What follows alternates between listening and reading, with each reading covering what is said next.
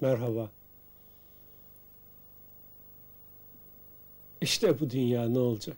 Haydan gelmiş, huya gider. Neyin kavgasını çekeriz ki? Çok kullanırız bu haydan gelmiş, huya gideri değil mi? Halbuki hay Allah'ın isimlerinden bir isimdir. Esma-ül Hüsna diye bilinen Allah'ın isimleri arasında geçer. Hu da Allah'ın isimlerinden bir isimdir. O da Esma-ül Hüsna'da geçer. Şimdi bu sözün manası haydan gelen hu'ya gider. Yani Allah'tan gelen Allah'a gider anlamındadır. Ama biz bunu nasıl kullanırız? Bunun gibi öyle çok şey var ki gerçek geliş yolundan saptırılmış, bambaşka manalara, şekillere, gayelere büründürülmüş gözüken. Hiç aklımıza gelmez. Geldiği gibi kabulleniriz.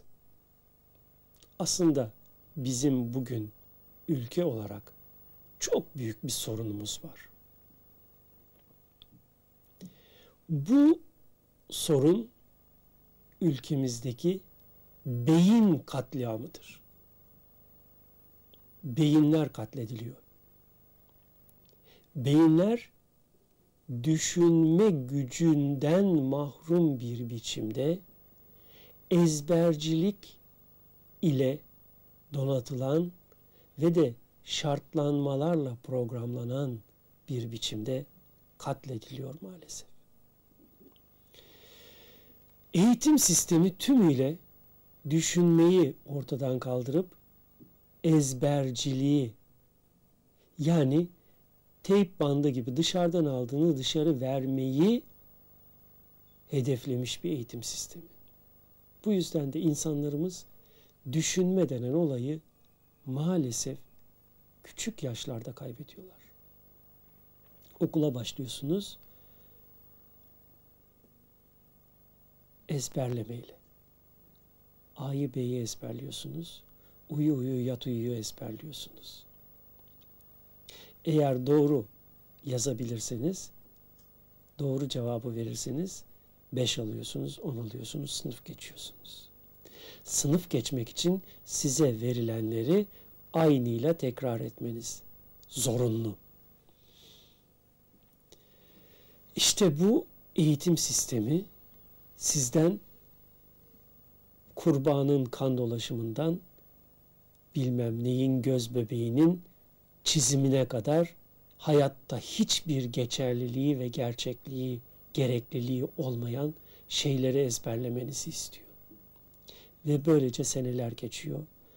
O en genç körpe yaşlarda düşünme yeteneğini elde edebilecek beyinler ezbercilik sistemiyle köreltilerek adeta robotlaştırılıyor.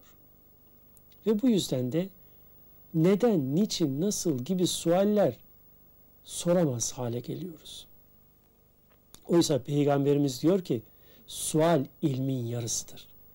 Sorabildiğiniz kadar soru sorun ki o soruların getirdiği cevaplar sizin düşünce ufkunuzu açsın ve yeni yeni şeyler elde edin.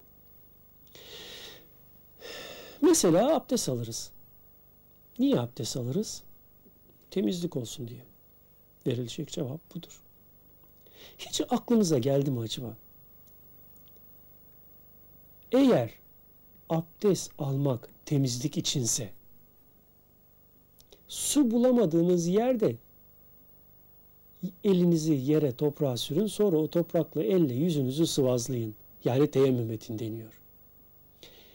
Eğer temizlik gayesine yönelik bir biçimde abdest almak kuralı geldiyse, abdest almanın gerekçesi, temeli, gayesi temizlikse, bir insan yüzüne toprağa sürerek nasıl temizlenebilir?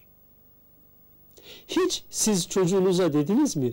Yavrum elin ayağın kirli bak suratın ne halde. Git yüzüne biraz toprak sür de temizlen. Elbette gülersiniz.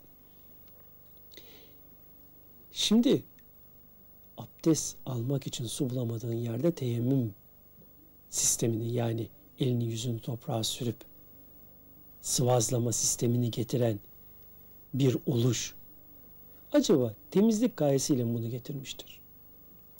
Ve gene eserlerde o görüyoruz ki Peygamberimiz icabında bir bardak kadar suyla dahi abdest almış. Siz bir bardak suyla iki parmağınızı yıkayamazsınız. Temizleyemezsiniz. Nerede kaldı ki? Temizlenmiş olacaksınız. Peki acaba abdest almak hangi gayeye matuftur? Bir sual. Bunun gibi eğer namaz kılmak yukarıda gözüne girip yaranacağımız bir tanrı mevcut değilse niçindir? Veya oruç, aç kalmak, sabretmek, nefsi terbiye etmek midir? Veya bunun ötesinde başka gerekçeleri, temel esasları var mıdır? Hele hele gelin bir başka daha sual sorayım size. Her zaman bir şeyler anlatacak değiliz ya bu sualler üzerinde düşünelim isterseniz biraz da.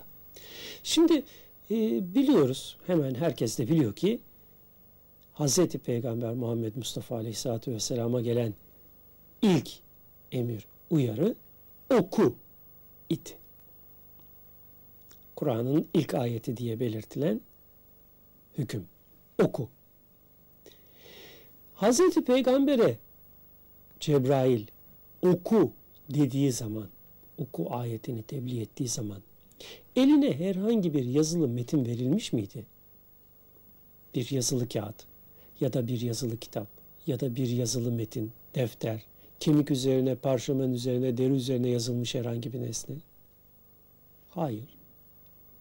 Peki ben size desem ki durup dururken ortada hiçbir şey yokken oku. Sizin bana burada soracağınız sual doğal olarak şudur.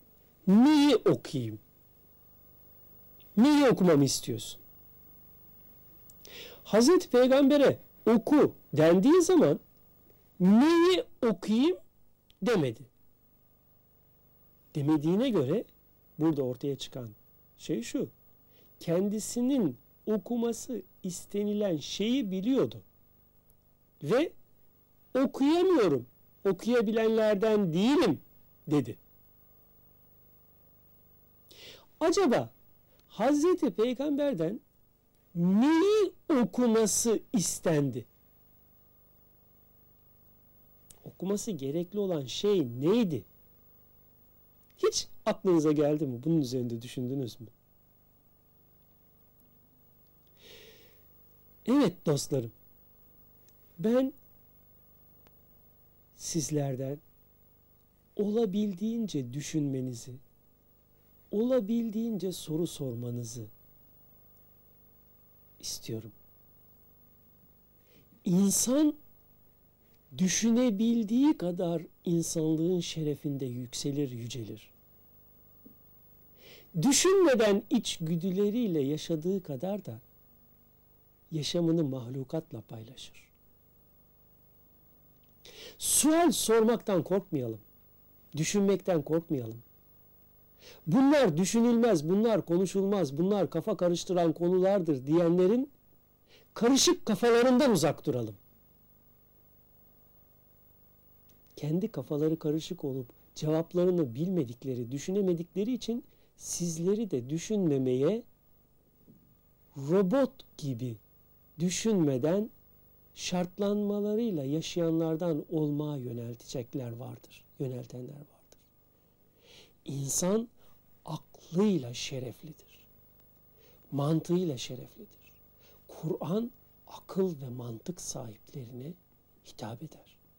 Öyleyse aklımızla, mantığımızla ilim istikametinde ilim aracıyla bize bildirilenleri değerlendirmeye çalışalım.